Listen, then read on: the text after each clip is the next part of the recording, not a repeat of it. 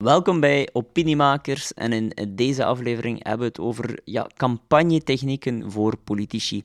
Uh, na een uitgebreid onderzoek hebben we heel wat uh, inzichten verzameld. Welke technieken werken goed, wat is belangrijk gedurende zelfs de zes jaar dat je dan misschien beleid voert. Dus we hebben daar een, een paar tips voor en uiteraard verwijs ik ook graag naar onze e-book over politieke marketing. Die vind je op www.exposure.be.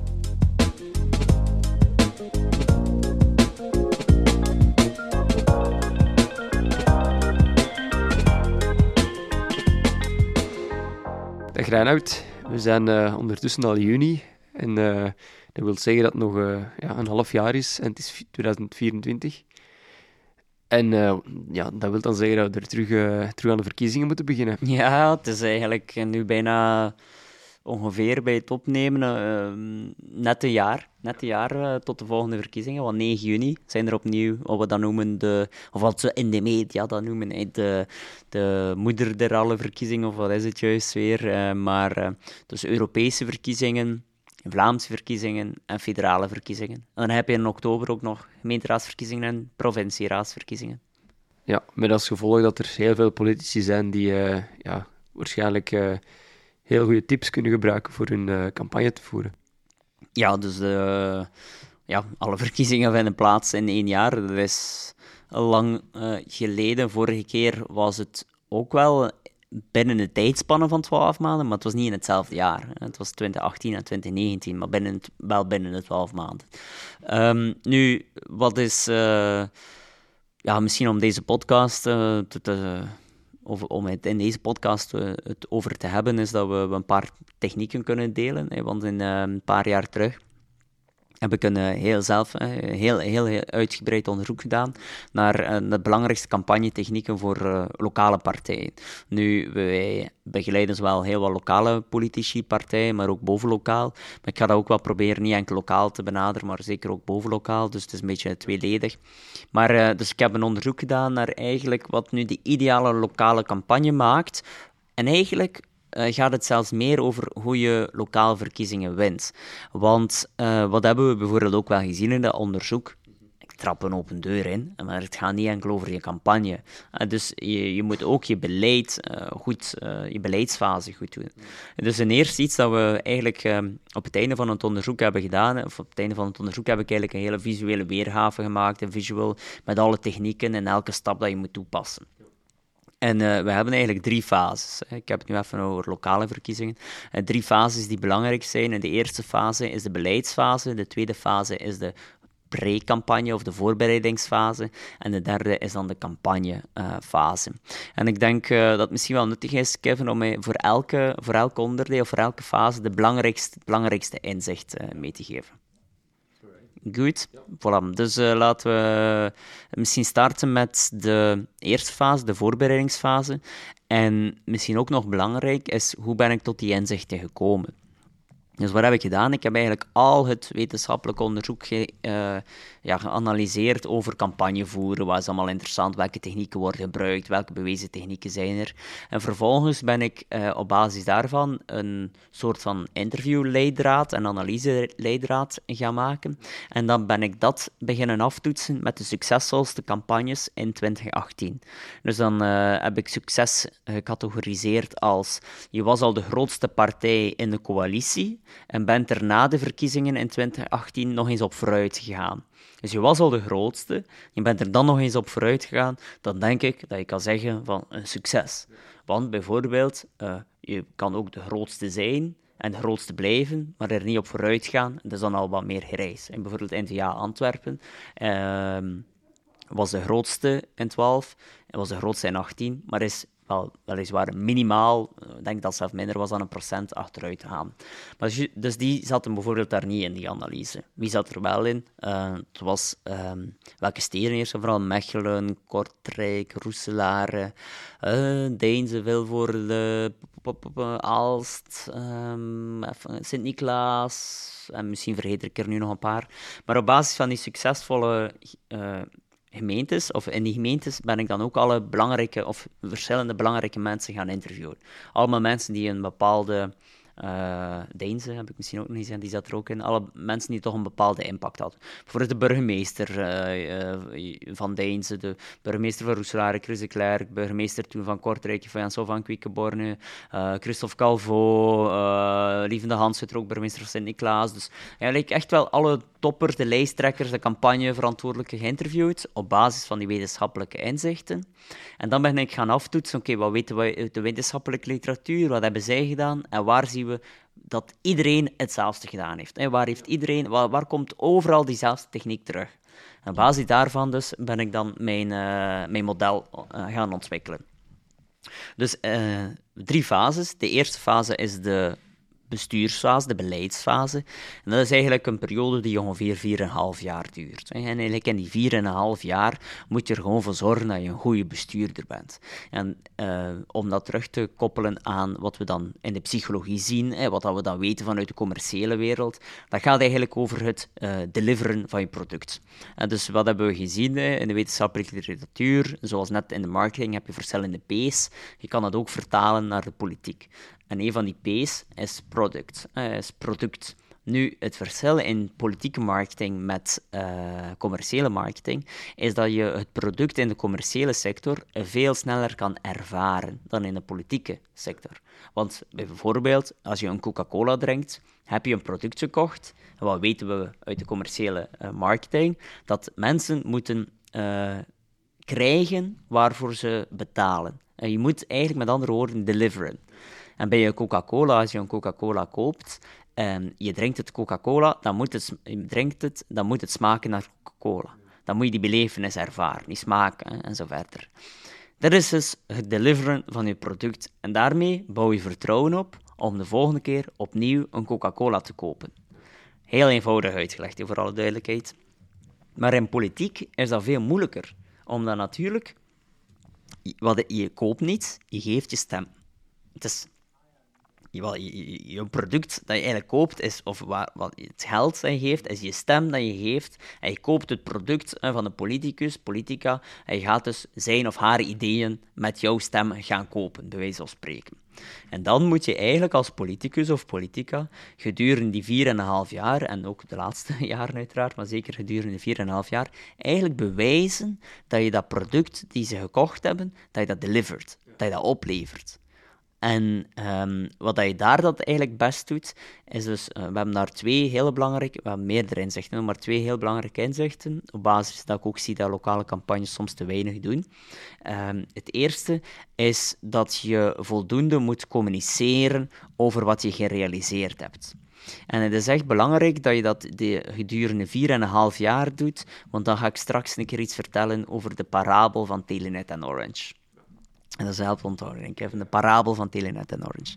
Nu, gedurende 4,5 jaar moet je dus af en toe eens refereren. Je moet dat niet elke keer doen, maar af en toe refereren naar wat je destijds in 2012 bijvoorbeeld hebt beloofd en wat je vandaag hebt gerealiseerd. Dus je moet daar terug naar grijpen. Um, zodanig dat mensen het gevoel hebben en ervaren dat eh, er gedeliverd wordt, dat er opgeleverd wordt, dat ze de Coca-Cola kunnen proeven die ze wilden proeven. Dat is dus heel belangrijk.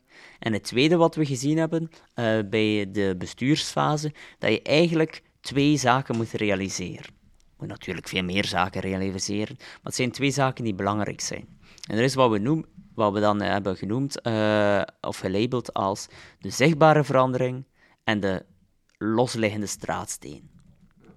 Dus wat moet je eigenlijk gedurende 4,5 jaar doen, dus die bestuursfase? Je moet zorgen dat de kleine frustraties voor de mensen heel snel worden opgelost. En je moet zorgen voor één of twee zichtbare grote veranderingen. Ik ga dat proberen uh, te verduidelijken. Dus die straatsteen, wat wil dat zeggen? Dat is eigenlijk wat we noemen in de, in de politiek dienstbetoon. Je moet zorgen dat je dienstbetoon op punt staat. Heel belangrijk daarbij is dat je als burgemeester of als politicus een goede manager ook bent en je ambtenarij, wat we dat noemen, eigenlijk ook zo hebt eh, georganiseerd dat dat efficiënt gebeurt. Als mensen bijvoorbeeld aan jou persoonlijk laten weten van kijk, ik heb een probleem met, uh, we hebben een wespennest in onze straat en er gebeurt daar niets mee, dan niet goed. Je moet eigenlijk heel snel kunnen zeggen van ik heb het uh, doorgegeven en er moet daar ook een gevolg aankomen. En we zien in de succesvolle gemeentes dat zij dat goed managen. Dus dat is een hele belangrijke. En dat is eigenlijk je rol als manager, uh, als politicus. Tweede is dan de, dus is de, kleine, de kleine frustraties aanpassen en dat goed opvolgen, zodat de mensen het gevoel hebben van oké, ik heb hier iemand die voor mij zorgt. En het tweede is de zichtbare verandering, waarbij je dan echt moet zorgen dat er gewoon iets groots, één iets, twee dingen groot zijn aangepast. Uh, en eigenlijk alles daartussen heeft minder impact. Ik bedoel daarmee een semi-zichtbare uh, verandering, ja, dat in één bepaalde wijk opvallend is, maar voor de rest van de gemeente bijvoorbeeld niet, ja, heeft eigenlijk minder impact. Maar het is een zichtbare verandering. Dat is bijvoorbeeld een grote nieuwe bibliotheek, of een mooi nieuw zwembad, of een hele uh, reconversie eh, van een oude site naar een mooi duurzaam groen park. Bijvoorbeeld. Dus echt iets waarvan dat je kan zeggen van kijk, op een foto is dat hier nu helemaal aangepast. De, onze, onze stad is zichtbaar veranderd. En dat is eigenlijk, uh, naast nog een paar andere uh, belangrijke elementen, wat we zien in de bestuursperiode waar je zou moeten op focussen. Ja, Oké, en dan de, de volgende periode? De ja, de, de, volgende is, ja, pre-campagne is misschien niet het juiste woord, omdat dat in het jargon ook wordt gebruikt als ze de eerste keer naar buiten komen in functie van de verkiezingen. Maar het gaat veel meer over de voorbereiding van een campagne. En daar hebben we gezien, een open deur opnieuw, is de sterkte van je lijst is gigantisch belangrijk. Uh, iets waar ik uh, heb vastgesteld en ook gehoord in de interviews. Natuurlijk zit er daar ook wel een bias in, maar um, elke partij uh, wat, toen die gewonnen had, was bij de vorige verkiezingen, of na de vorige verkiezingen in 2012, al bezig met de lijst van de volgende verkiezingen. Echt, echt de beste profielen zoeken, de beste mensen zoeken, een jonge, sterke, uh, jonge een verjongde lijst, een verjongde, ja, uh, lijst, uh, een sterke lijst, mensen met een groot netwerk, diverse lijst, verschillende wijken. Dus echt de sterkte van je lijst is gigantisch belangrijk. Partijen die starten een jaar voor de verkiezingen, zijn daarmee te laat. Je moet daar gigantisch vroeg mee starten. En um, tweede, en dat is eigenlijk, vond ik persoonlijk, en ook vanuit een wetenschappelijk perspectief, uh, het vernieuwende aan mijn onderzoek, is uh, de sfeer binnen de lijst. En er is ook iets wat ik uh, gehoord heb bij iedereen, is dat ze zeiden allemaal, de sfeer van onze, binnen onze verkiezingscampagne was top.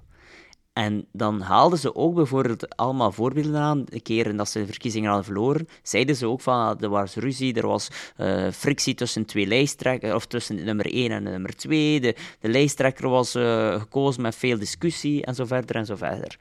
Dus de sfeer binnen de lijst is gigantisch belangrijk. En we zien dat trouwens ook in de bedrijfswereld.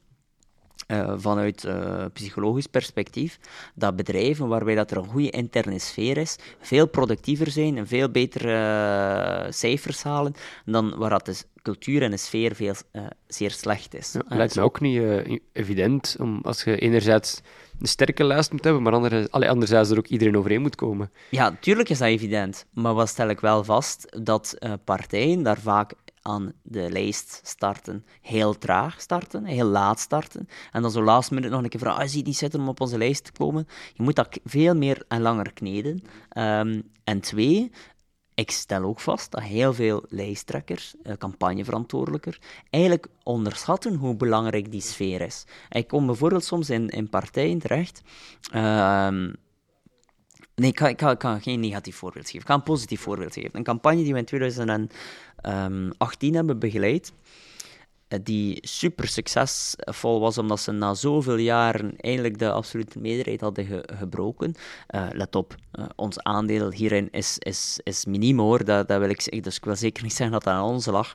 Maar wat ik wel heb vastgesteld, dat was iemand die bij elke vergadering, als we daar waren, bij elke adviessessie, die had voor het team wat wijn voorzien, een kaasje, een salamietje. En dat zijn kleine dingetjes, hè. die zorgden dat, dat iedereen gelukkig was, dat dat op een mooie plaats werd. Dat zijn kleine dingetjes, maar dat zorgt ervoor dat de sfeer wel goed zit. Terwijl de andere partijen, waarvan ik zag dat het veel moeilijker was, dat was dan vaak in een stoffige parochiezaal, niet goed voorbereid, er was niets aanwezig, misschien een keer uh, een waterfles dat ze snel in, de nachtshop hadden gekocht.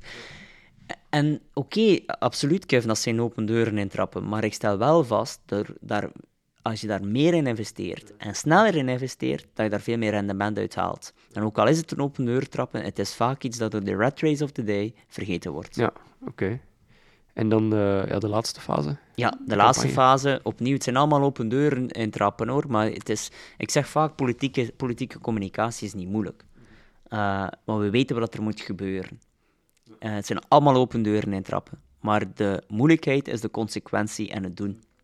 Dat is de moeilijkheid. Hè.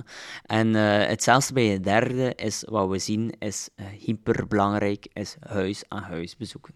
Maar je kan niet geloven, Kevin, want nu ga je weer zeggen van ja, maar kijk, Reinoud, dat is toch logisch. Ja, maar je kan niet geloven hoeveel... wij hebben nu in al ik zeg al een tijdje, één op zes gemeentes een campagne begeleid. Ik denk dat we dat een keer opnieuw zouden moeten tellen, maar dat we waarschijnlijk op één op vijf zouden zitten nu. Dus ik kan wel spreken vanuit mijn ervaring, maar je kan niet geloven op, in hoeveel gemeentes of lokale partijen ik vandaag kom, die nog geen huis-aan-huis bezoek hebben gedaan sinds de vorige verkiezingen. Hè. Maar ik kan me wel voorstellen dat dat voor veel mensen ook minder logisch lijkt in deze tijden van sociale media en zo, dat die niet automatisch die reflex hebben om dat te doen. Ja, absoluut. En er is inderdaad iets waar we, uh, wat ik soms wel hoor, van ja, we moeten toch sociale media. Hè. En let op, ik heb een boek geschreven hè, samen met Nadja de Smet in 2017 over het nieuwe campagne voeren en hoe belangrijk sociale media is. Dus ik ga niet zeggen dat sociale media niet belangrijk is. Maar huis aan huis, maar het is geen of-of verhaal, het is een en-en verhaal. Het is net door heel actief te zijn op sociale media, dat mensen jou misschien voor de eerste keer gaan kennen. En als ze die deur open doen, dan ze zeggen, maar ik ken u, ik heb u wel eens op social media gezien. En dan heb je een gesprek of een, een aanknopingspunt om een gesprek aan te gaan. En vervolgens, um, en dat is dan uh, wat het huis-aan-huisbezoek doet, kan je connectie maken en hen overtuigen. Want met één uh, social media post moet je echt, ja, dat is dan zo het al gek zijn dat je daar direct iemand mee kan, over, kan overtuigen. Dus huis-aan-huis bezoeken, echt waar, als u uh, politieke ambities heeft en u bent er nog niet aan begonnen, alsjeblieft start daarmee. Want wat zeggen de politici als je het jaar voor de verkiezingen doet? En wat zeggen ze dan, Kevin? Uh, geen idee. Geen idee? nee. Ah, ze zijn daar weer. Ah ja, inderdaad. Ja. Ze zijn daar weer. Ja. De verkiezingen zijn ja. daar. De verkiezingen zijn daar. Ze zijn daar weer.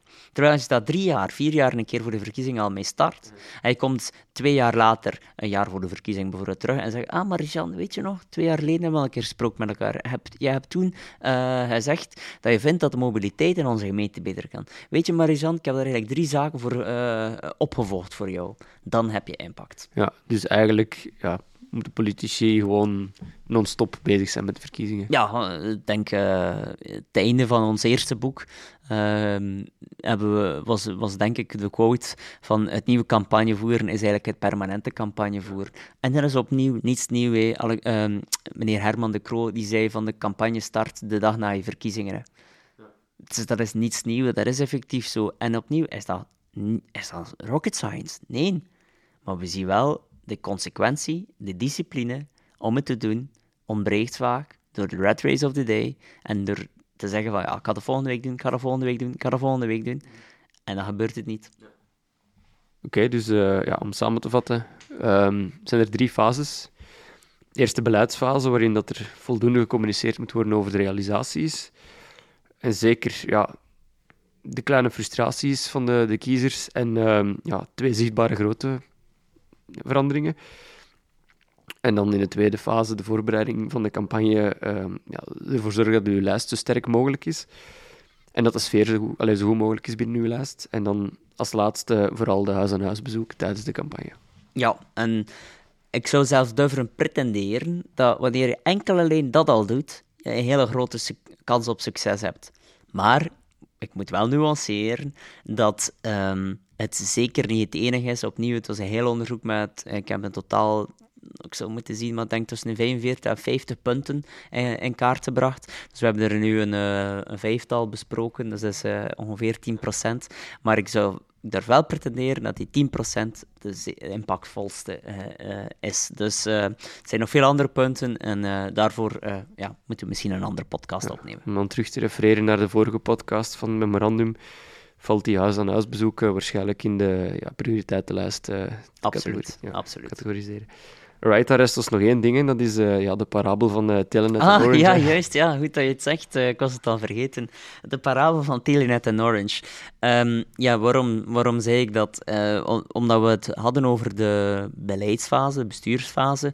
Dus je moet eigenlijk opnieuw, het zijn allemaal eh, zeer cijferachtige benaderingen. Ik wil zeggen, vier en een half jaar. Ja, is dat vijf jaar, is dat vier jaar, maakt op zich niet uit. Het is gewoon een beetje een richting geven. Maar de eerste vier en een half jaar moet je eigenlijk verwijzen naar wat je gerealiseerd hebt op basis van wat je beloofd hebt.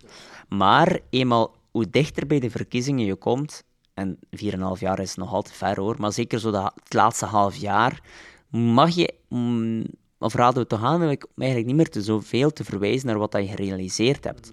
Maar je moet eigenlijk in die eerste fase vertrouwen opbouwen om ervoor te zorgen dat ze opnieuw voor jou willen kiezen. Dat is opnieuw hetzelfde. Hè? Dus bij de Coca-Cola koop je, of Coca-Cola is nu al, heb je al veel vertrouwen. Maar stel nu je koopt een nieuw product. En dat product levert niet op wat ze beloofd hebben, dan ga je niet nog eens dat product kopen. En dus daarvoor dienen die eerste 4,5, 5 jaar om dat vertrouwen op te bouwen. Want als je dan naar functie van de volgende verkiezingen gaat, kom je met een nieuw programma. En dat is de parabel van Telenet en Orange. Heel uh, spoiler alert, samenvatting, is mensen stemmen eigenlijk weinig voor wat dat je gedaan hebt, maar mensen stemmen veel liever voor wat dat je nog gaat doen. En als je dan vertrouwen hebt opgebouwd, die gedurende 4,5, 5 jaar, dan gaan ze veel meer vertrouwen hebben om uh, voor jou te stemmen, omdat je het al opgeleverd hebt wat je hebt gezegd. En de parabel van Orange en Telenet ze gaat als volgt. Dat gaat er eigenlijk over, uh, stel nu als, uh, normaal vertel ik daar een heel lang en uitgebreid mooi verhaaltje over, maar we proberen een podcast binnen een bepaalde timing te houden. Maar stel nu als ik mijn contract zou moeten veranderen, en ik uh, nodig mijn vaste partner, bijvoorbeeld Orange, uit. En uh, ik nodig ook toch een keer, of ook Telenet komt langs. Stel net hetzelfde bij partij. De ene komt dan deur aan deur en de andere komt deur aan deur. En ik nodig dus Orange uit. En Orange zit met mij samen en zegt van, kijk Reinoud, je hebt dankzij ons de afgelopen drie jaar 500 uh, eh, films gedownload. Uh, dankzij ons heb je de afgelopen vijf jaar uh, zoveel minuten kunnen bellen. En dankzij ons heb je de afgelopen jaar zoveel SMS, sms'jes verstuurd. En hier je contract om te verlengen. Stel nu Telenet komt. Telenet kan niet zeggen wat ze allemaal gedaan hebben. Maar Telenet zegt van, kijk Reinhard, als je dit contract tekent, dan ga je vanaf morgen dubbel zoveel films kunnen uh, dubbel zo snel films kunnen downloaden, ga je altijd over de hele wereld, bij wijze van spreken, de hele wereld bereikbaar zijn. Ga je sms'jes kunnen sturen in Zwitserland zonder dat je daarvoor moet betalen. Die argumenten kloppen niet, vooral duidelijkheid. Maar zij gaan eigenlijk gaan kijken van, als je het contract tekent en wat je dan gaat krijgen. Terwijl Orange zegt van, kijk, dit heb je allemaal gedaan en, en teken daarom opnieuw mijn contract. Want dan gaat eigenlijk uh, Telenet alsnog winnen. Omdat mensen, en dat is een parabel van Telenet en Orange, mensen willen, ja, ik heb het al gehad. En dat is, dat is niet, ja, oké, dat is voorbij. Maar wat ga ik krijgen in de toekomst? En dat ik dubbel zo snel films ga kunnen downloaden, dat ik niet meer ga moeten wachten, een kwartier voordat ik die film kan bekijken, dat is veel interessanter voor mij. Maar natuurlijk, stel nu als Orange zegt van kijk, ik, je hebt dit en dit en dat gedaan en altijd stabiel internet hebt, nooit miserie gehad. Dat is waar, Irene, nooit miserie gehad. Dat is waar. Wel kijk, als je nu contract tekent, daar bovenop ga je ook nog een keer dubbel zo snel kunnen films kijken, ga je nooit meer uh, onbereikbaar zijn en in het buitenland niet extra moeten betalen. Dan gaat Orange wel winnen, omdat ze het vertrouwen al hebben opgebouwd. Maar je moet het wel zeggen. En wat veel partijen doen, is ofwel niet dat vertrouwen opbouwen, of naar de kiezer gaan met wat ze hebben gerealiseerd. Maar dat mag je niet doen. Je moet dat gedurende 4,5 jaar, 5 jaar doen. En van dan moet je met een nieuw verhaal, en met de, uh, kijk, wat gaan we nog allemaal doen? En dat is de paraal van Telenet en Orange. Alright, oké, top. Dan, uh, ja. Dan gaan we hier afronden en uh, kunnen we zo snel mogelijk een factuurtje gaan opmaken voor de product placement. ja, inderdaad. ja, alright, nee. Oké, okay, merci Reinoud. En ja, tot de volgende.